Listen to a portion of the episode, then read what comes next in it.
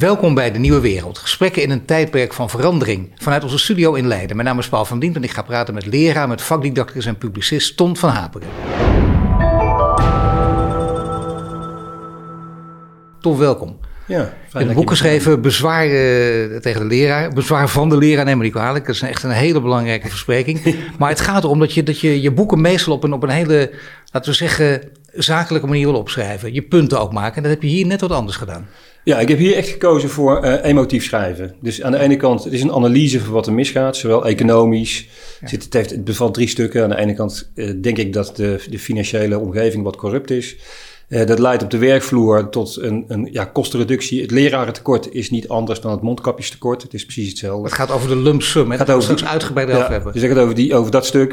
Uh, dus lerarentekort is een gevolg van beleid. En je ziet ook dat doordat die leraar laag gewaardeerd wordt in de organisatie, dat er een soort averechtse selectie is op de werkvloer. Waardoor uh, de goede leraar gaat en of in de schoolleiding verdwijnt of gewoon ergens anders gaat werken. Uh, de slechte vaak blijft. Nieuwkomers zeggen ik wil niet bij slecht horen, dus die gaan ook weer. Uh, en je ziet dat het systeem wanhopig probeert om toch nog controle op het proces te krijgen middels ja. veel toetsing, slechte toetsing vaak. Uh, waardoor kinderen ook iets hebben van dat het een soort parallel universum is, niks met hun eigen leven te maken heeft en ook niks met de geleerde kennis. Dus dat ze het idee hebben dat ze in de les iets anders doen dan op de toets. Ja. En dat werkt allemaal wat vervreemdend en de consequenties daarvan kun je elke dag zien. Dus uh, elk jaar is er staat van het onderwijs, zijn de OESO-rapporten. Ja, het, gaat, het, gaat, alleen maar van het onderwijs komt met rapporten ja, elk gaat, jaar en elk jaar het gaat denk elk het jaar gaat, slechter. Het gaat steeds slechter. Het gaat nu ook weer slechter. En, en wat mij verbaast is dat ze elke keer zeggen van, uh, ja, dat je afvraagt hoe komt het nou? Ik ben, ik ben het laatste boek van Wellebeck aan het lezen. En die beschrijft op een gegeven moment de enige vrouw waar hij van gehouden heeft, die heet Camille. Camille moet je dan zeggen, denk ik. Ja. En daar heeft hij een, en, en, en die vertelt... Boek de Verworpene. wat is serotonine? Ik weet ook precies, bladzijde 146, ja. loopt zij een kippenfarm in en zij ziet de meest vreselijke dingen. Ja. En zij zegt tegen hem van, ja, maar wij zijn inspectie, waarom wordt hier niks aan gedaan? En hij zegt, ja, ik zal maar niet zeggen dat het bij varkens nog veel erger is. en, uh, en, en, dat is eigenlijk wat je in het, uh, in het, in het onderwijs uh, maar ook dat boek, zijn laatste, daar staat ook een geweldige zin. Namelijk, Nederland is geen land, Nederland is een onderneming. Dus ja. kunnen we dat op een of andere manier wel even van elkaar Maar dat is de school ook. Dat is ja. precies wat er bij de school mis Algemeen vorm het onderwijs is van ons allemaal. Een verantwoordelijkheid van ons allemaal. Maar het is een onderneming geworden. Die is ook lean. Net, net, net zo goed als dat wij heel weinig... Puur efficiënt, hè? Puur efficiënt. Zoals wij weinig IC-bedden hebben ten opzichte van 100.000 inwoners. Zo hebben eigenlijk ook te weinig echt onder, echte onderwijzers, echte leraren, die die kinderen daadwerkelijk iets kunnen leren. En hoe vangen we dat op? Dan zeggen we gewoon van, nou, dan ben je zijnstromen, kun je zo beginnen. En uh, er is zelfs een televisieprogramma over gemaakt van twee jongens. Ja, maar dat is over de klas die 100 dagen voor de klas. En dat, is, en dat zijn vaak trucjes, die programma's, maar dit is een heel instructief programma. Ja, het is gewoon echt waar. Kijken en het gaat zo. Eens even, je ziet hoe het gaat. Twee populaire jongens en die denken, ik ga vriendje worden met de leraar, met, ja. de, met de leerlingen. En dat gaat helemaal mis. Maar kun je iets over dat programma vertellen? Want je hebt er geloof ik cijfers mee te maken. Nou, ik heb, ik heb wel eens met de maker gepraat. En, uh, en wat je ziet gebeuren is dat Kijk, iedereen denkt van, als ik, ik wil wel iets, iets in onderwijs doen en iets met kinderen. Daarbij benadrukken ze dus dat ze het omgaan met kinderen heel leuk vinden. Ja. Maar kinderen gaan al om met heel veel mensen. Ja. En die hebben zelf vrienden, die hebben ouders, die worden verliefd, die hebben een heel informeel circuit. Dus op school, daar willen zij best heen gaan. En ze willen ook best een goede relatie met die leraar, vinden ze wel fijn. Maar in die relatie vinden zij het wel heel belangrijk dat ze ook daadwerkelijk wat geleerd wordt. Daar hebben ze respect voor. En wat zie je nu? Dat met name die mensen die van buiten komen, zeggen, ik ga iets met kinderen doen. Ja, die, die hebben iets, iets van, ik wil iets in die relatie. Maar die relatie begint bij wat jij gestudeerd hebt en wat je ze wil onderwijzen. Dat je weet wat daarin van waarde is. En onderwijzen betekent niet alleen dat je vertelt hoe het is, maar dat je wat je ze onderwijst, nieuwe kennis, verbindt met wat kinderen al weten. Uh, en dan wel wat ze waarnemen in de werkelijkheid. Ja, natuurlijk. Maar je hebt bijvoorbeeld in je laatste boek ook iets meer emotie willen leggen. Dus iets meer gevoel. Uh, ik kan me voorstellen dat je als leraar toch ook bijvoorbeeld, ik noem maar wat, uh, met de jongen van voetbal, misschien met een meisje over voetbal wil praten. Absoluut. Elk... Dus dat je dat ook kan hebben. Stel dat je het allemaal leuk vindt, dat kan ook. Natuurlijk. Want alles wat je om je heen waarneemt en wat je ook zelf bezighoudt. kinderen willen ook graag weten wie jij bent. Wat vind je? Wie ben je? Waar sta je voor? Kun je eigenlijk wel wat? Weet je eigenlijk wel niks wat? van jezelf prijzen, dus moet je niet verwachten dat je nee, dat, niks, dat, dat kan niet. Dus dat, dat, dat is nou precies wat we in die corona-crisis missen. Wat, wat vind je dan, wat, wat, wat, wat, wat is dan precies je punt? Nou, dat, het punt is dat, kijk, kinderen die uh, van mij les gehad hebben, zullen allemaal zeggen uh, Bob Dylan, want daar vertel ik wel eens wat over. Of Feyenoord. En dat klopt.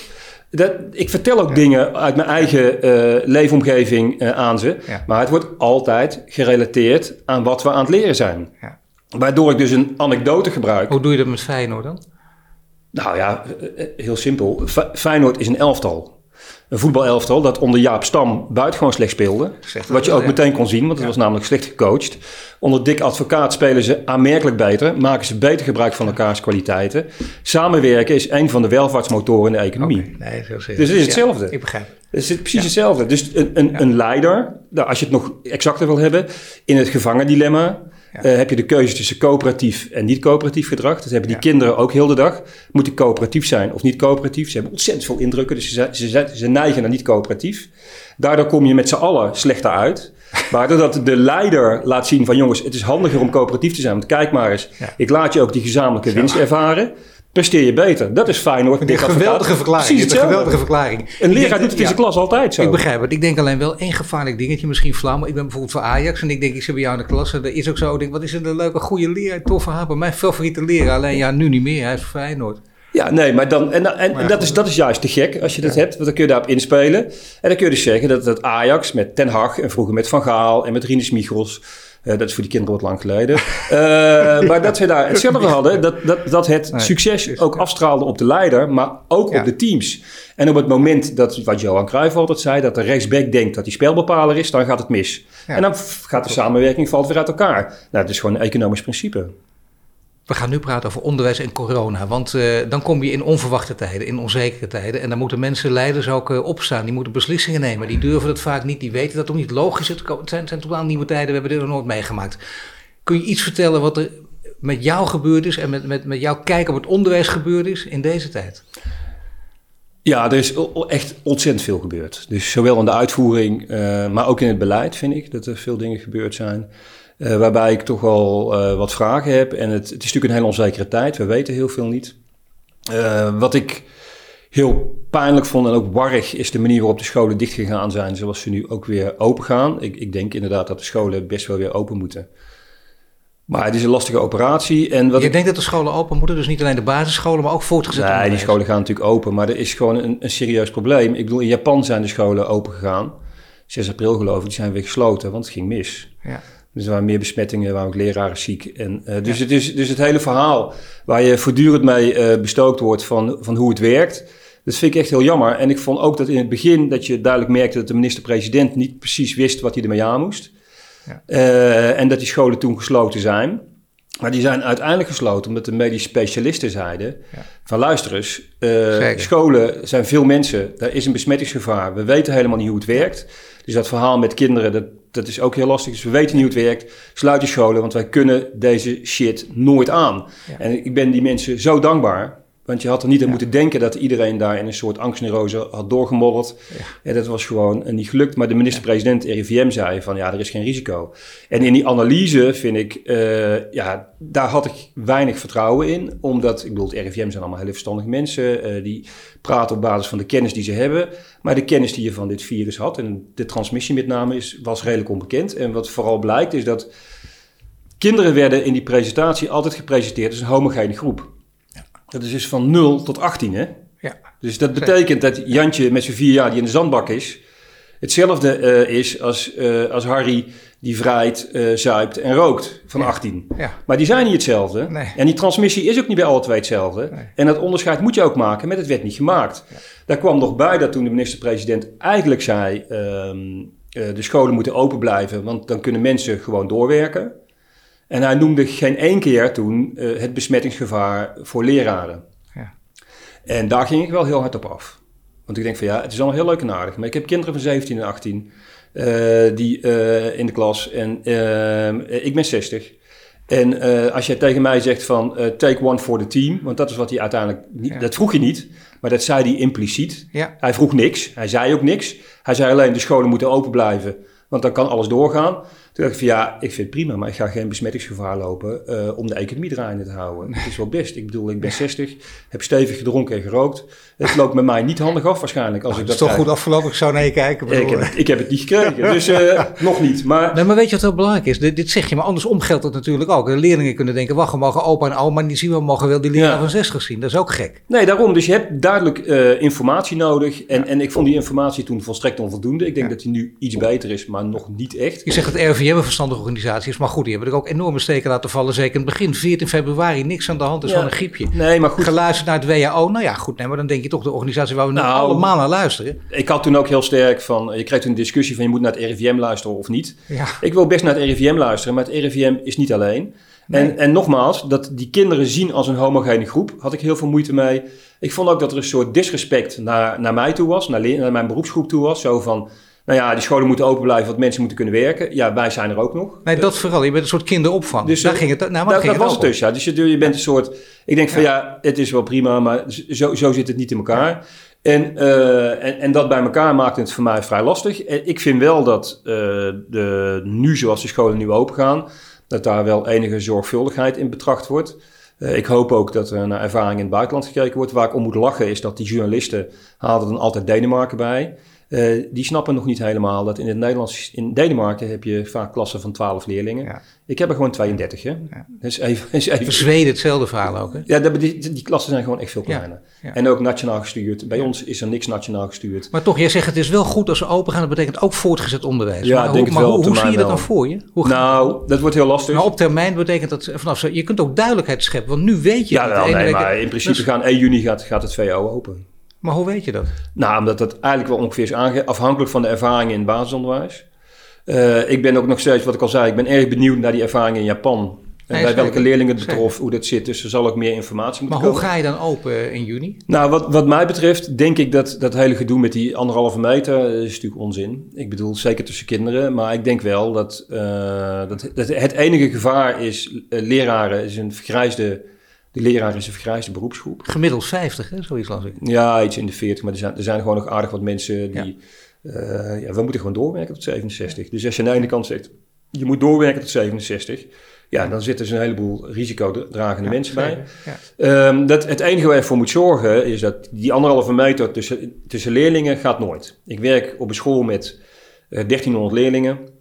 Ja, als, je, als je dat in de pauze ziet bij elkaar, dan denk je dat dit goed gaat en dat niet de een de ander vreselijk op zijn gezicht slaat. Met Nee, zo'n dat sowieso al, Dat is al heel ja. bijzonder, Ja. maar die kunnen daar geen anderhalve meter. Nee. Dat, dat gaat natuurlijk helemaal niet. Nee. Ik denk ook niet, als het zo is dat kinderen eh, het virus eh, hooguit even dragen en eh, daar niet echt ziek van worden en ook niet eh, voor transmissie zorgen. Eh, kennelijk, eh, op een of andere manier, daar is een, een bepaalde zekerheid over. Dan denk ik dat je gewoon moet afspreken dat er is afstand tussen leraren en tussen leraren en leerlingen. Ja. Dus eh, anderhalf, twee meter. Dat spreken we ook af. We gaan geordend waarschijnlijk in, in wat flexibele roosters naar het lokaal. En dan verder zal alles moeten blijven zoals het is. Want anders gaat het. Ik bedoel, halve klassen en zo. Dat, Maar er zijn op school natuurlijk zoveel mensen. Er zijn ook ouders bij betrokken natuurlijk. Waar Ja, die contact met ouders die moeten gewoon thuis blijven. Hè. Die gaat- mogen sowieso niet die naar mogen er niet in natuurlijk. Nou, eh, eh, niet onderwijzend personeel heet het. Al die mensen bij elkaar en zo. Dat is, dat is toch, eh, ja, die moeten allemaal ook aan richtlijnen voldoen. Het zijn er te veel bij elkaar. Dan heb je, er mogen geen congressen gehouden worden, maar dit mag dan wel. Ja, nee, maar daar zit iets. Kijk, het, het, kan alleen, het kan alleen als het zo is. En daar twijfel ik nog steeds over. Dat eh, kinderen van 4 tot en met 18 eh, daadwerkelijk niet ziek worden. Ja. En het virus ook amper tot niet doorgeven. En dat weten we nog steeds niet. Dus in Japan is het mislukt. Ja. Dus als dat zo is, ja, dan zijn we zo klaar. Als, Maar dan nog, daar- zou jij, het, zou jij dit onder de, laten we zeggen, onder deze omstandigheden die u nu schetst, zou je dat zonder angst gewoon naar school gaan en les gaan geven? Nee, ja, ja ik, zou, ik zou wel gewoon gaan, ja. Ja. Ja, ik zou dat gewoon Ja. doen. Omdat je misschien ook een beetje hekel hebt aan het digitale lesgeven. Want hoe bevalt dat? Wat vind je daarvan? Nou, digitaal lesgeven, dat, dat vind ik verschrikkelijk. Maar eerst even, dus, dus, dus eh, eh, eh, maar nee, dit is echt een heel verhaal. Maar als je eerst kijkt naar, dus die laatste week dat, we, dat de school nog niet dicht was, Ja. ehm, gaf ik gewoon les dus. Ja. En toen was het virus al aardig aanwezig. Ja. En ehm, ja, je zit gewoon toch met kinderen die niezen en zo en dat soort dingen. Dus het Ja. verhaal is altijd, die Ja, moeten thuis blijven. Maar ja, die ouders zeggen natuurlijk ook van ja, Je hebt vannacht wat gehoest en dan gaan we naar school. En dan is het ineens niezen. Ja, en de les duurt nog een kwartier, die stuur je niet weg. Dat, dat, doe je niet. Dan zeg je van, nou ja, goed, oké, een beetje hè, zo. En, uh, Ik heb trouwens zelf ook hooikoorts, dus ik... ik dit, oh, goed dat het weet. Nee, maar dat, dat, als het goed is, is dat geen corona. Dus. Nee. Maar dat betekent wel dat je natuurlijk uh, alert bent en op je hoede bent. Maar ik vind dat je daarin wel, mits daar gewoon, we met z'n allen een democratisch besluit genomen hebben. Zeker. Dat is het ding. Zo werkt de democratie. Ik, ik, moet, ik moet zeggen dat ik het geroep en het geschreeuw van iedereen, mensen die roepen over, over opstand en we doen dit niet en we doen dat niet. Ja, we hebben hier geen zelfbestuur. Ik bedoel, je moet het wel, uh, als, als er bestuurlijk besproken wordt. Nee, daar ben ik helemaal met je eens, maar het gaat meer om. Uh, de, ja, dan moet andere je... interviews komt het ook bij mij naar voren. Dat merk ik als je met ondernemers praat. Er zijn natuurlijk leidinggevenden die hele ongelukkige dingen zeggen. Klaas Knot komt vaak voorbij die opeens zegt: Oh, horeca, dan, dan moet je maar omscholen over disrespect gesproken. Ja, ja dan nee, roep je dat juist over je af. Je, dat, exact, is, dat is verschrikkelijk. Dus ik, vind, ik ben er wel voor.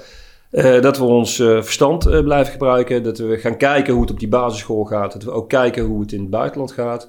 En dat je op basis daarvan een volgende stap zet. En als in de periode tot 1 juni er geen informatie is waaruit blijkt dat het gevaarlijk is. En er is ook serieuze informatie over kinderen van 12 tot 18 jaar. Ja, dan ga ik gewoon voor de klas. Zonder ja. problemen. En, uh, en, en, en dan doe ik dat met, uh, met alle plezier. De, de besluiten die nu genomen zijn. Uh, ik, ik merk wel een leraar die ik dan spreek, die zegt het is wel goed. Je, dat wil iedereen, ondernemers trouwens ook aan elke beroepsgroep. Je wil duidelijkheid, in ieder geval voor zover dat mogelijk is. Ja, dus niet steeds we, doen, we doen dit of we doen dat. Centraal examen wel, centraal examen niet. Wat vind je daarvan? Van hoe, ze, hoe ze dat Nou, bij het examen heb ik me kapot geërgerd. Sowieso, ik, Arie Slop is volgens mij een hele integere, aardige, vriendelijke man. Ja. Echt hard op de goede plaats, ja. kun je niks van zeggen. Ja. Maar qua daadkracht en, uh, en, en, en gewoon ook zeg maar uitzenden wat, welke kant hij op wil. Dat is natuurlijk enorm behelpen. Het is allemaal erg reactief, twijfelend. Ja. Uh, eerst met iedereen praten en dan een beslissing ja. nemen. Ja. Uh, op het moment dat dan bijvoorbeeld er een beslissing moet genomen worden over het openen met scholen, had hij een gesprek met onderwijzers. Dat zegt hij af. Want die onderwijzers, ja, die vragen natuurlijk van, ja, gaat mijn school nou open, ja of nee? Dat is ja. hun issue. Ja. En dat zegt hij niet. Ja. Hij gaat dan wel praten met leerlingen over hoe het moet. En met, weet je, het is allemaal, het is eigenlijk, ja, dit is gewoon geen, geen echte het is niet een, een leider in crisistijd, zullen we maar zeggen. Nee, dus dat is heel zacht uitgedrukt. Dat is uh, voorzichtig gezegd dan. Ja. Dus ik uh, noem hem altijd aardige Arie. Hij is ontzettend aardig, maar je hebt er niet zo, niet zo heel nee. veel aan. Hij is ook alleen bezig met primair onderwijs. Hij heeft het nooit in de hele periode gehad over voortgezet onderwijs, terwijl daar echt heel veel misgaat momenteel. Ja. Dat laat hij gewoon verloederen. En, dus ik heb daar heel veel op aan te merken. Dus van Arie Slop gaat het niet komen. Hij, nee. hij stuurt de bal ook altijd weer terug naar besturen. Die moeten dat allemaal maar op maat doen. Ja. Hij heeft nou iets heel stevigs gezegd. Hij zegt nou, de basisscholen, die denken dus, oh, wij mogen allemaal zelf weten. Dus dan mogen we dit ook zelf weten. Wij willen graag 14 mei open of een andere datum. Ja. Arie heeft gezegd, nee, allemaal 11 mei open. Ja. En terecht natuurlijk. Ja. Ik bedoel, uh, dat, dat, dat, dus dat, dat is allemaal heel, heel aarzelend. En, en dat met die examens was precies zo. Ja. En dat was, kijk, ik wist meteen dat je kunt geen in deze situatie... Ik ben erg voor een centraal examen. Ja. Dus ik vind het centraal... passage, alles gewoon. Hè? Dat telefoontje dat je krijgt. Ja, je, allemaal. De, je bent uh, iemand van, met een corona die nou, maar ook het, het, hoor je leven lang. Ook het werk zelf. De schoolexamens, die nu dus, uh, die worden gewoon aanmerkelijk beter gemaakt. Zijn vaak frauduleus, zijn slecht in elkaar gezet. Is een ontzettend amateuristische, periode, uh, ja. ja. een amateuristische manier van werken. Ja. Heel intuïtief en persoonsgebonden. Dat is helemaal niet goed. Ja. En dat doordat je naar dat examen toewerkt corrigeer je dat nog enigszins. Dus er zijn, er zijn twee dingen die het voortgezet onderwijs nog enigszins in de gang houden. Dat is het centraal examen en ja. de praktijkkennis van ervaren leraren. Die gewoon zeggen, wat nee, nou beleid, ik doe gewoon wat ik altijd gedaan heb. Dat zijn de twee dingen die nog enigszins uh, werken. De rest is echt zo bewegelijk en onbegrijpelijk. En, en ook vaak jargon en allemaal, daar snapt niemand meer iets van. Dus, dat is, dus ik ben heel erg voor het examen. Maar in dit geval kon het centraal schriftelijk. Het kan gewoon echt niet. Omdat je niet valide, betrouwbaar en veilig kan toetsen. Ja. Dus uh, als je de school dicht is, uh, uh, dus als die gewoon gesloten is, en, en je kunt die kinderen ook niet voorbereiden op het examen, ja. en dat werkt allemaal niet. Ja. ja. dan moet je ook niet een examen gaan afnemen waarbij mensen zenuwachtig zijn, andere, andere dingen in hun hoofd hebben. Ik bedoel, ik, ik kom uit Brabant, dus er zijn nogal wat mensen die daar toch wel op enige wijze mee te maken gehad hebben. Ja. En uh, dan kun je die kinderen niet zo'n gymzaal injagen, weet je wel. Maar wat kan er wel als je dan in juni open gaat? Want dan is, dan is het juni, dan uh, komt er een zomervakantie aan. Ja, maar dus... dan, uh, dan heb je nog, nog zes weken dus. Wat, nou, maar dat, dat, dat vind ik een hele serieuze vraag. Dus ik, ik, ik, vind dat je je moet afvragen van... als je in juni open gaat, in plaats van 1 september... wat levert dat meer op? Ik bedoel, het is altijd toch, uh, wat zijn de opbrengsten, wat zijn de kosten? Dus wat kost het? Wat is het risico? Nou, dat wat ik al zei, van, dat moet je vrij goed weten. En wat levert het op dat je dat nog even doet? Uh, want anders moet je gewoon zeggen van... Maar voor de duidelijkheid, het is dus nog even, dat wil zeggen, die zomervakantie die blijft er wel. Dat, is, is daar consensus over? Ja, er zijn ook mensen die zeggen, oh, maar, alsof je dus nu niet werkt. Hè? Dat, dat is ook het misverstand, Nee, maar dat is allemaal onzin. Ik bedoel, dat die zomervakantie blijft bestaan. Ja, dat is wel een voorstel geweest, maar dat is verdwenen. Dat was ineens weg. Ja. En uh, dat is ook een heel raar voorstel. Dus dat is, uh, dat, ik bedoel... Waarom ook, is het raar? Nou, omdat, kijk, alle partijen die het moeten uitvoeren, dus ouders, leerlingen en leraren, die willen dat alle drie niet. Ja. Dus als alle drie de partijen dat niet willen, dan uh, moet je niet verwachten. Maar wat is de belangrijkste reden? Want je wil een argument daarvoor hebben. Omdat je zegt, we zijn nu wel degelijk, we zijn nu, of wel degelijk, we zijn nu juist aan het werk. Misschien nog wel harder dan ooit, nieuwe omstandigheden. Nou, dus die vakantie heb je ook nodig, is dat het? Nee, kijk, kijk die, die, nee, dat vind ik onzin. en die vakantie, maar kijk, het, het argument is andersom. Er zijn nogal veel mensen die zeggen van, uh, dat door deze manier van onderwijs organiseren zoals het nu gaat, uh, worden de achterstanden van kinderen groter in bepaalde milieus, uh, omdat ze geen onderwijs krijgen en vaak ook kwijt zijn en dat soort dingen. Ik denk dat het ontegenzeggelijk waar is. On, achter, onderwijsachterstanden bestaan. En, alleen, ja, die waren er ook al. Ja. Dus, dus de gedachte dat jij, als, jij vijf, als je ze vijf weken lesgegeven had, dat je dan heel veel van die achterstanden had weggewerkt, is misschien ook wat over de top. We weten ook niet hoeveel dat is. We kunnen het helemaal niet kwantificeren. Het is ook een, het bestaat, is absoluut waar. Het was beter als ze wel naar school waren gegaan. Het is niet gebeurd. Het is één keer dat het voor, eh, dat is met het examen ook hè. Uh, dat kinderen geen les hebben, geen examen. Dus de laatste keer is 1945. Ja. Dus één keer in de 75 jaar. Ja. Uh, kom op jongens, even rustig aan en uh, recupereren en wat mij betreft opnieuw beginnen. En ja, en de vraag is dus, kijk, als jij zegt van in 1 september, als we weer beginnen, is de situatie even slecht als nu. En kinderen moeten wel naar school. Dan zou het een argument kunnen zijn om te zeggen van nou, dan beginnen we 1 juni wel, want dan moeten we aan de situatie winnen. En dan kunnen we een beetje proefdraaien en dan weten we daarna hoe het werkt. Ja. Dat, dat zou, maar het, je moet een argument hebben waarmee je dat onderbouwt. Ja. En, uh, maar als je zegt van ja, maar het levert niks op. Als we nog een paar weken open gaan, ja, dan... Uh, eindexamenklasse, wat, wat hebben die nog te doen daar bijvoorbeeld? Die nou, eindexamenklasse is, is praktisch klaar. Dat is dus, al klaar, dus, die heb je al niet meer? Dus nee, heb je, ze mogen nog wat herkansen en dan, uh, dus dat is, dan, dat is dan gebeurd. Nee, maar het is wel handig om inderdaad toch ook, ook daar een plan voor te hebben. In ieder geval dat je dat gewoon weet, wat, wat moet er gebeuren. Nou ja, het probleem is natuurlijk de overgang. Hè? Dus een aantal kinderen moet over naar een examenklas of naar een andere klas. Je kunt dan ook zeggen, het gebeurt bijna nooit. En in, de zoveel tijd laat ze allemaal gewoon overgaan. Ja, daar ben ik voor. Maar met, met één ding, dat je met leerlingen waarvan je eigenlijk weet... op basis van de informatie die je met leraren met elkaar hebt... dat dat echt heel lastig wordt. Ik ben altijd voor, je geeft ze het recht op overgang. Uh, in een uitzonderlijke situatie. Maar je praat met ze en je adviseert ook, ik zou het niet doen.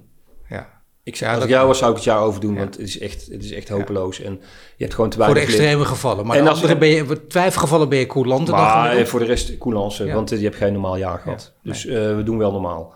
Dus uh, leraren die nou gaan zeggen van, ja, 543, ja, dat rond af 5,4, dat is 5. Ja, die zijn erbij, hè? Ja, die zijn er wel, maar die moet je even van de verstand brengen. Weet je wat nou mooi is in deze tijd? Kijk, onderwijs, uh, zorg, er wordt voor geklapt voor de zorg. En, en iedereen is daar natuurlijk mee eens, is geweldig wat die mensen doen. Uh, maar wat we allemaal doen is geweldig. En in, de zorg, in het onderwijs geldt het ook. Je ziet hoe belangrijk het is. Ik zie voor de rechterlijke macht. Daar is een maatschappij wel op gebouwd. Maar mag je dan ook niet meteen zeggen, als we die mensen boten bij de vissen, misschien be nog beter gaan betalen of beter gaan betalen. Maar daarnaast ook dan ook hogere eisen stellen. Dus je mag ook als je niet functioneert ontslagen worden. Als je, de, als je denkt ik wil eigenlijk geen leren worden, want die zijn natuurlijk ook heel veel. Nou dan maar het onderwijs. Kom op hé. Zou je daar niet ook uh, wat rigoureuze maatregelen juist in deze tijd Ja, ben ik al heel erg voor geweest. Dus, dus een van de grote problemen in het Nederlands onderwijs is dat wat, in, wat je ook in die 100 dagen serie ziet. Maar eigenlijk bij alle film, alles wat in Nederland gefilmd wordt, is dat de schoolcultuur ontzettend diffuus is. Ja. Dus elke leraar mag eens lokaal een beetje doen wat hij zelf wil, wat hij zelf voelt, wat hij zelf afhankelijk van wat hij. Het pad wordt dan overigens ook, als je in die routines gaat zitten, steeds smaller. Dus het wordt steeds lastiger. En uh, ja, dat is echt niet goed. Dus ik vind inderdaad dat uh, professionalisering, eisen stellen aan leraren. En ook op een gegeven moment zeggen van ja, luister eens vriend, het is nou wel klaar. Daar ben ik altijd ontzettend voor geweest. Uh, ander verhaal waar ik me zorgen over maak, wat jij zegt, is natuurlijk dat we weten dat de collectieve sector, die is nou een soort Sinterklaas en die geeft uh, alles weg. Ja. En uh, ja, we weten hoe het de vorige keer gegaan is met die crisis in 2007, 2008. Ja. Uh, de collectieve sector heeft, er is maar één manier waarop je dat terugbetaalt, dat is gewoon bevriezen van lonen. Ja. Dus uh, leraren zijn in, van 2008 tot, uh, tot ongeveer nu uh, eigenlijk voortdurend in koopkracht achteruit gegaan. Ja. En ik ben bang dat er weer zo'n periode komt. En dat is echt heel slecht. Dus het gebeurt er bij in de zorg ook. Dat is, en dan krijg je dadelijk verkiezingen. Nou, dat wordt wel een lekker thema. Dan, dan krijg je inderdaad een, een hoop gedoe in de maatschappij. Want dat is ja, heel raar. Maar je hoort nu politici zeggen van uh, luister eens, uh, we moeten de mensen waarderen die het werk doen. Dus, dus het, voor de bühne is allemaal prima. Maar je krijgt uit de verschijnen alweer rapporten dat er bezuinigd kan worden op zorg. Uh, er is de macro-economen, ja. zeggen daar, die kijken, naar die, ja, die kijken gewoon naar de, de overheidsfinanciën. En zeggen, ja, daar zit toch een, uh, een open eindelekje in. Maar is, is, dit, is dit dan niet juist uh, een, een echt een tijd, juist dit soort momenten, zijn bijna van die breuklijnen, waarop ik kan zeggen, nou, daar gaan we nu eens rigoureus ja, afstand van nemen. Want jullie vinden, uh, waarderen ons, maar dus boter bij de vis. Ja, maar dat hebben we dus, dat is al heel vaak gezegd. Ja, dus maar zo'n situaties nu hebben we nog nooit nee, meegemaakt. dit niet, maar we hebben wel een kredietcrisis gehad. Toen, toen, was ook het verhaal natuurlijk. Ja. En, en sterker Toch nog. anders dan deze. Nee, maar sterker nog, Plasterk, de minister toen, heeft toen geld vrijgemaakt om betere leraren te krijgen. Die heeft tegen de conjunctuur in, heeft hij dat nog gedaan ook. Ja, dat is waar. Dat is echt, uh, was, was echt klasse. Is ja, hij is weliswaar het mes gelopen van de vakbonden en de bestuurders, want die hebben het verkwanseld. Maar hij heeft het wel degelijk geprobeerd. Hij heeft het verkeerd gedaan, omdat hij niet durfde in te grijpen in de bestuurstructuur. Dus dit, de, het, onderwijs is onbestuurbaar. En daar komen we nu op, dat is het precies. En dan komen bezwaar van de leraar, ook lump sum. Hè? Dat is even het verhaal voor, voor degenen die niet met, met dit verschrikkelijke jargon vertrouwd zijn. Maar dat is een belangrijk punt. Hè? Het is, het is uh, zoals jij het altijd zegt, uh, het lekkers is voor de besturen en de roe is voor de leraar en de leerlingen. Want dat is eigenlijk het verhaal. Maar waar moet in de klas, op, op kantoor, maar waar, waar, komt het precies op neer? Er is een zak geld en die zak geld gaat niet, die gaat gewoon naar scholen. De overheid ja. houdt zijn handen ervan af. En uh, wat je ziet is dat besturen de afgelopen 30 jaar, dus een, een lang proces, hebben veel meer taken op zich genomen. Zijn veel meer dingen gaan doen in de verantwoording, in de, het inkopen van concepten, ook in het nadenken over onderwijs. Het zijn toch een soort, het zijn hele sturende organisaties geworden. Ja. En sturen kun je alleen als je een verschil creëert tussen omzet en kosten. Ja. En de omzet ligt vast, de kosten kunnen omlaag. En, dat is, en de kosten kunnen omlaag als je het werk in de klas gewoon goedkoper maakt. En dat is massaal gebeurd. Grotere klassen, leraren slechter betalen. Uh, het is echt een, eh, een, enorme kaalslag geweest. En met name dus in het werk in de klas. En dat is wat je ziet. Dat betekent dus dat er heel veel geld gaat zitten in organisatie, verantwoording, uh, andere dingen. Die bestuurders worden al boos en zeggen, ja, wat dan? Ik zeg, nou, je moet eens kijken Iedereen ja. um, houdt meer van de mensen dicht bij zich dan van de mensen die verder van hem afstaan. Ja. En de leraar staat van de bestuurder heel ver af. Ja. Ze zit ook in een ander gebouw. Dus er zit ook fysiek ruimte tussen. Ja, maar dat maakt ontzettend nee, veel uit. dat ben ik me zeker. Dus, die, die, dus als die leraar zegt van ja, ik vind, ik vind uh, 32 uh, kinderen in de klas best veel. En er is een nummer 33. Dan zal die bestuurder via die schoolleider tegen die leraar zeggen... Ja, luister nou eens vriend, doe niet zo ingewikkeld. 32 of 33 maakt niks uit, is ook zo. Maakt niet zoveel uit, daar ga ik echt geen twee klassen van maken. Op het moment dat je nationaal vastlegt, er is een maximum van 30 leerlingen in een klas, dan was die klas al gesplitst. Maar dat soort afspraken zijn er niet, want op het moment dat je die afspraken namelijk hebt, dan kan die bestuurder een flexibele organisatie dus regelen. de rol van de schoolleider. Die gaat weer over leiding geven. Dan moet die schoolleider, die moet gewoon niet zijn oren laten hangen. Dat zijn vaak de maar, slapjanissen naar de nou. Geen slapje, nee, geen slapjanissen. Het verschil is dat omdat die leraar, zelfs in de medezeggenschap, niet zoveel te vertellen heeft, maar die bestuurder dus wel, is er een serieuze machtsongelijkheid. Dus de schoolleider weet dat hij verder komt in zijn leven als hij luistert naar de bestuurder. Nou, dat noem ik slapjanus. Ja, dit is gewoon eigen belang. Ja, maar kom op, ja, maar wacht. Ja, maar dus hij nou, weet ja, maar, ja, maar eigen belang. Je wilt toch, ja, dat, nou in deze, het gaat er toch om publiek belang. Jij staat er toch om een heel ander, je staat er niet voor jezelf daar, ja, schoolleider. Je, bent je staat er en voor jezelf en voor het geheel, maar je staat er ook voor jezelf. En dat is precies het punt. dus dat er, dat, door, dat, door dat hele organisatieverhaal is die schoolleiding gedesintegreerd. Als ik een, een schoolleider had die, die, die, die, voor zichzelf staat, dan, denk ik, dan hoef ik nooit meer naar hem te luisteren. Nee, dan gooit hij gewoon wat vaker de deur dicht en zit hij op zijn kantoor. Of gaat hij wat vaker de deur uit, zodat hij er niet is. Ja, dat is c'est la vie. Ja. Het is gewoon zoals het gaat. Dus ik, heb extern heel veel werk. Maar kun je dan niet zorgen dat je gewoon zorgt dat, je dan... Ik, wacht even, ik wil toch een goede leider hebben, juist in deze tijd. En iemand, iemand die goed voor de school is. Ja, maar de vraag is dus, wat is een goede leider? Ik, ik weet niet of je... De, uh, Netflix heeft momenteel uh, de serie Michael Jordan. Ja, dan moet je gaan kijken. Ja, dat is fantastisch. Ja, ja maar dit, Johan Cruijff, Michael Jordan... Ja. Dat, dat soort jongens zijn... Er, is, er gaat momenteel een filmpje rond dat, dat Johan Cruijff, de grote voetballer, Stoortskov, leert touwtjes springen. uh, ja, maar, het is, dat zijn, nee, maar, dat, maar dat zijn dus Echte leiders, dat zijn meespelende echte leiders op basis van praktijken. Er is op een gegeven moment een conflict tussen Jordan en het management. En Jordan zegt dan, en zo hoort het te zijn, zo hoort de werkvloer te doen, want die doet het ook niet. Die zegt, ja, iemand die nooit een Chicago Bulls nu aangehad heeft, maakt hij niet de dienst uit. Precies. Punt. Ja. En dat is wat leraren verkeerd gedaan hebben. Die hebben altijd moeten zeggen: ik wil als leider de beste speler. En ze krijgen niet de beste speler. Ze krijgen iemand die een opleiding heeft gedaan van 30.000 euro uh, op een universiteit. En die vooral naar zichzelf kijkt. En, en, die, en die in een eigen kasten Ja. uh, zijn eigen winst binnenharkt. En dat is niet omdat het slechte mensen zijn. Zo prikkelt het systeem. zeker. Zij, kunnen daar niks aan doen. Ik, En dat zeggen ondernemers ook vaak, eh, die dezelfde vergelijking. Die zeggen dan, verwacht even, er zit iemand op deze positie die nog nooit een rolletje erop heeft verkocht. En we wijzen dan bijvoorbeeld naar eh, een Klaas Genot, een, eh, een Wiebers. Dat is ook lastig. Daar wil je ook niet echt naar luisteren. Zeker niet in dit soort tijden. Ja, met, met, met één verschil vind ik. Ik vind inderdaad dat Klaas Knot uh, zich gewoon moet bezighouden met bedrijfseconomisch toezicht uh, van banken en monetair toezicht. En zich niet moet bemoeien met ondernemers. Dat is zijn taak niet. En op het moment dat hij daar inderdaad uh, uitspraken over doet, ja, wordt het altijd lastig. Dat is natuurlijk zo. Maar dat is hetzelfde als.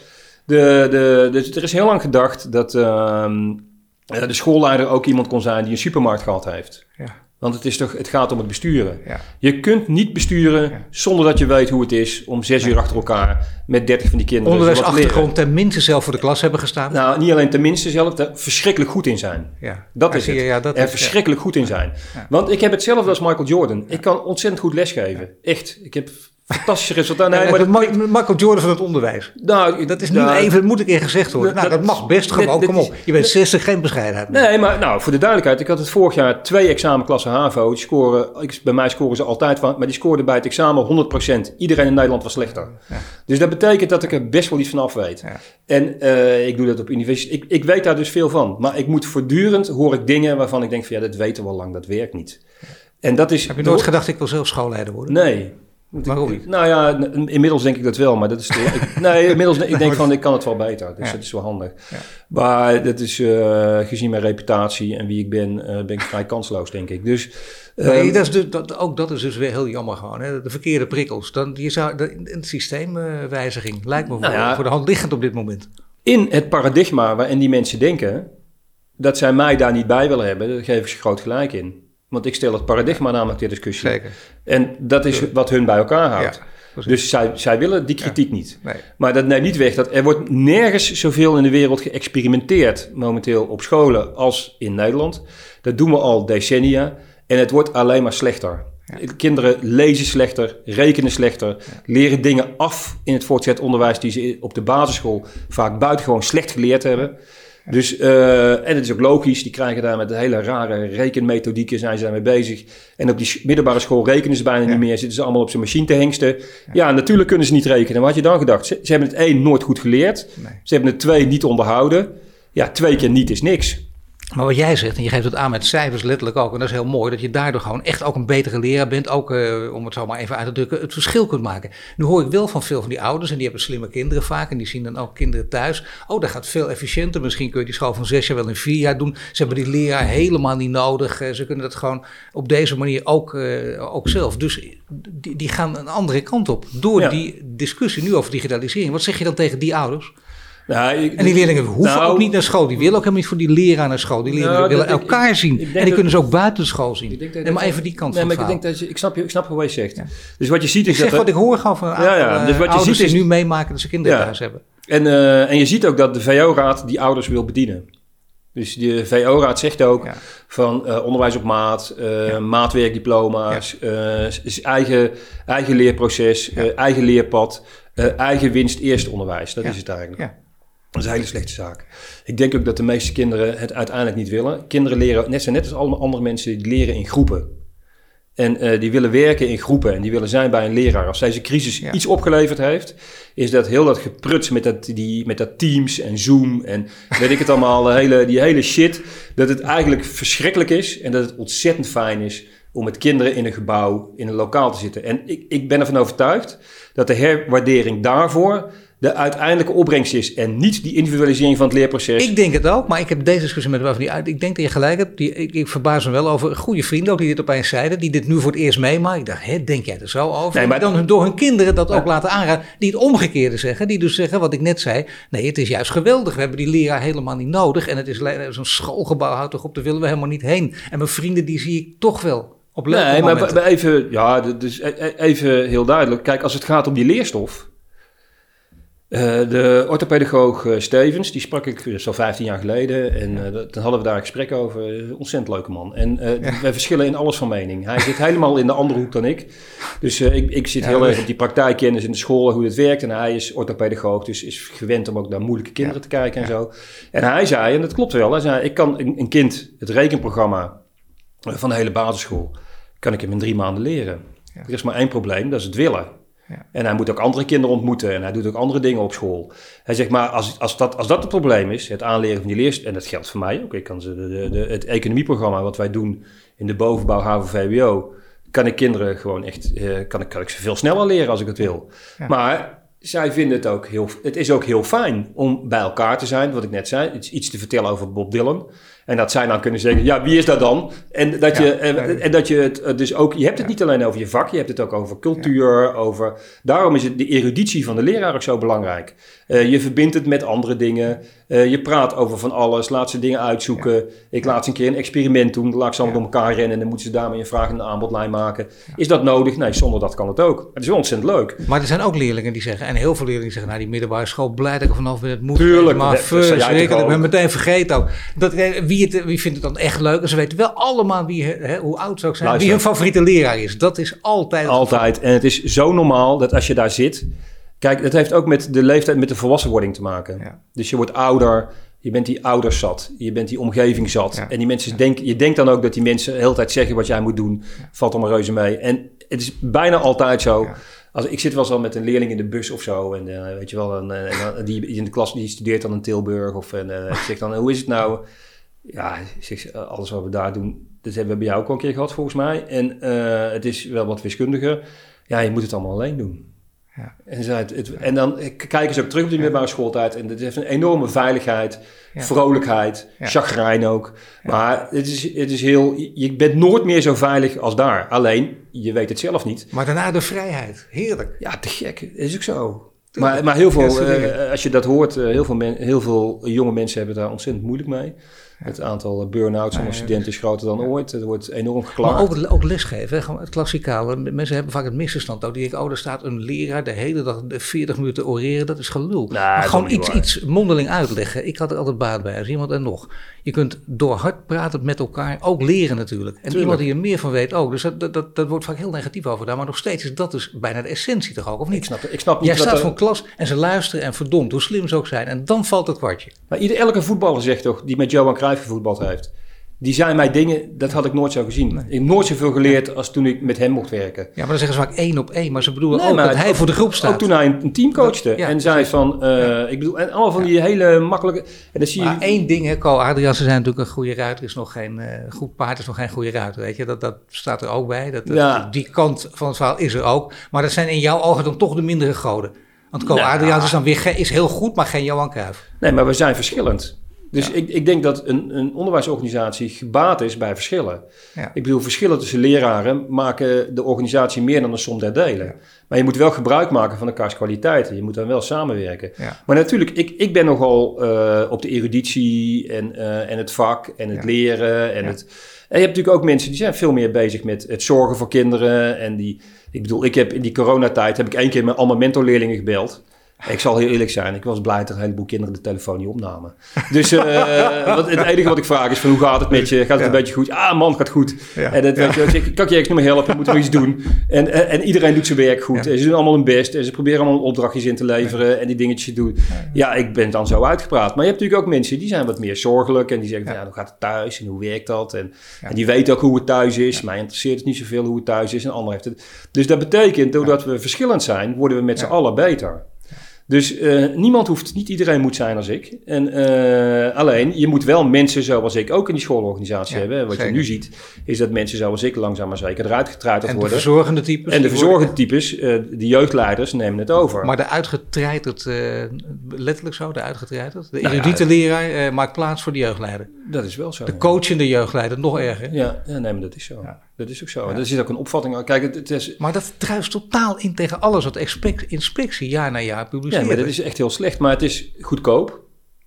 Een zaaienstromer is gewoon goedkoop. Ja, ja, dat is... Dus eh, die kun je gewoon, eh, je Ja. kunt even onderhandelen. En als hij een hoog salaris elders verdiend heeft, zeg je, ja, dan is het onderwijs niks voor jou, vriend. Ja. Dus dan eh, kun je wat inleveren. En het, het is goedkoop. Dat hij is nog niet bevoegd. Dus dus het, het is qua kosten heel... Jongens zoals ik zijn duur. Ik zit nog op een, een verworven recht van vroeger. Ja. En dat kunnen ze me niet afpakken. Ja. Als ik, als, Ja, als, niet afpakken zou het niet andersom juist zo moeten zijn. Dat je gewoon nieuwe leraren ook zo honoreert. Daar gaat het nou net om. Ja, dat is, dat is wat... dat, je daardoor ook dat vak interessant maakt. Dat je daardoor denkt, want dat wordt al vaak geroepen. Maar dat is nu toch ook, ook helemaal een moment om dat, om dat duidelijk te maken. Nee, maar absoluut. Kijk, het is heel simpel. Als het gaat over de beloning van leraren... eh, had iemand al lang moeten zeggen... eh, je, hebt, je hebt nou aparte cao's voor, voor primair onderwijs en, en secundair onderwijs. Had je gewoon meteen moeten zeggen... luister eens, we stoppen ze allemaal weer in die, eh, ambtenarenschalen. 10, 11 en 12.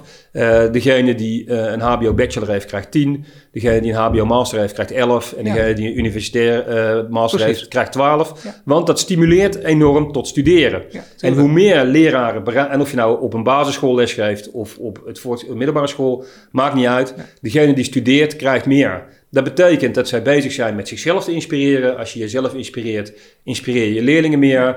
En dat doe je dan via kennis. Daar zou in deze tijd ook niks mis mee zijn. Ja. Dat zou het hele onderwijs ten goede komen. Ook dat gedoe van het primair onderwijs wordt slechter betaald en zo. Want nou, dat is zo hoor. Het wordt slechter betaald. Ja. Maar hoeveel weet niemand. Want die schalen zijn zo verschillend. Er is geen pijl op. Je weet gewoon niet wat er aan de Ja, hand is. Dus ja. dus dat is, eh, je kunt ook weer iemand vinden die daar weer meer verdient dan ergens anders. Dus transparantie en ook zeggen van opleidingsniveau en ontwikkeling, dat beïnvloedt de beloning. En natuurlijk is het zo, want dan krijg je altijd de tegenwerping. Ja, en dan die leraar die geen orde kan houden, ja, die moet je gewoon ontslaan. Ja. Dat is iets anders. Dat Nee, is- maar dan, dat zei je al, professionalisering erin brengen. Dat ook, hè, de leraar kunnen Ja. ontslaan. Niet van dat is een vak voor het leven en dan kan ik gewoon lekker daar Nee, gaan je moet je draaien. Dat is ontwikkelen een ramp natuurlijk. Je moet je ontwikkelen. Het is heel, het is heel simpel. Eh, je, hebt, je hebt twee lijnen eh, in, eh, waarin, eh, waar, waar langs een gesprek tussen twee uitersten waarin een leraar zich ontwikkelt. Dus aan de ene kant innovatie en aan de andere kant routines. Ja.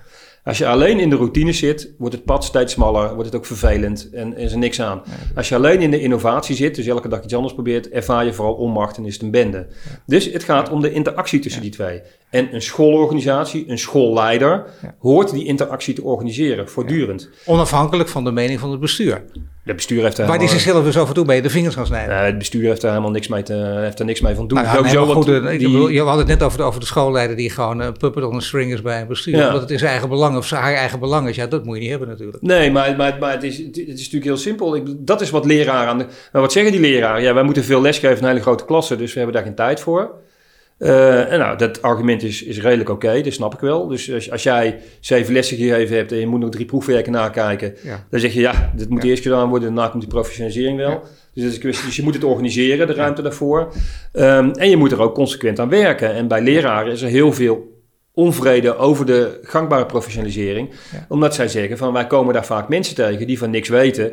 En die dan zeggen van schuif de tafels maar aan elkaar en we gaan het gezellig maken met elkaar. En, en dan zeggen ze ja, dat is diefstal van tijd, dat wil ik niet.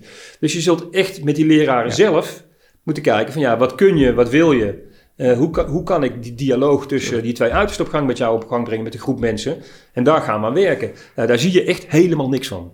Dan heb je nog een dialoog. Eh, namelijk de dialoog tussen, laten we zeggen, aan de ene kant eh, degene die, die het, het, het, het, fysieke onderwijs van belang vinden, jij. En degene die het eh, digitale onderwijs van Ja. belang vinden. De 21st century types ook, die dat Ja. helemaal nu gaan roepen. Hè, van dit is het, dit moeten we misschien helemaal doen. Ja, dus maar wat te denken van een hybride model? Was er echt helemaal niets leuks aan? Of dacht je van, nou, Nee. ik zie daar ook een paar dingen die Tuurlijk. interessant zijn. Tuurlijk. Kijk, weet Nou je wat, Nee, maar dat zit best... de- de- eh, ik bedoel, wat ik echt anders ga doen, meen ik serieus. Dus wat ik anders ga doen, is dat ik eh, door dat gedoe met Teams en dat eh, Zoom en eh, kent het allemaal wel. Kijk, als je zo'n klas hebt en je staat zo zo'n scherm en je moet ze uitzetten, hè, dat ze niet... dus dan, ja, dat, dat is niks. Als je zo'n Ja. groep en ehm, ja, als je dan daarna een opdracht geeft trouwens, Dan ben jij de presenter, geloof ik, en de rest... eh, ja, die, eh, zij moeten dan dat een beetje volgen. Maar daar ben ik zo mee Ja. klaar. Dus je, moet interactie hebben. Dat is gewoon heel belangrijk.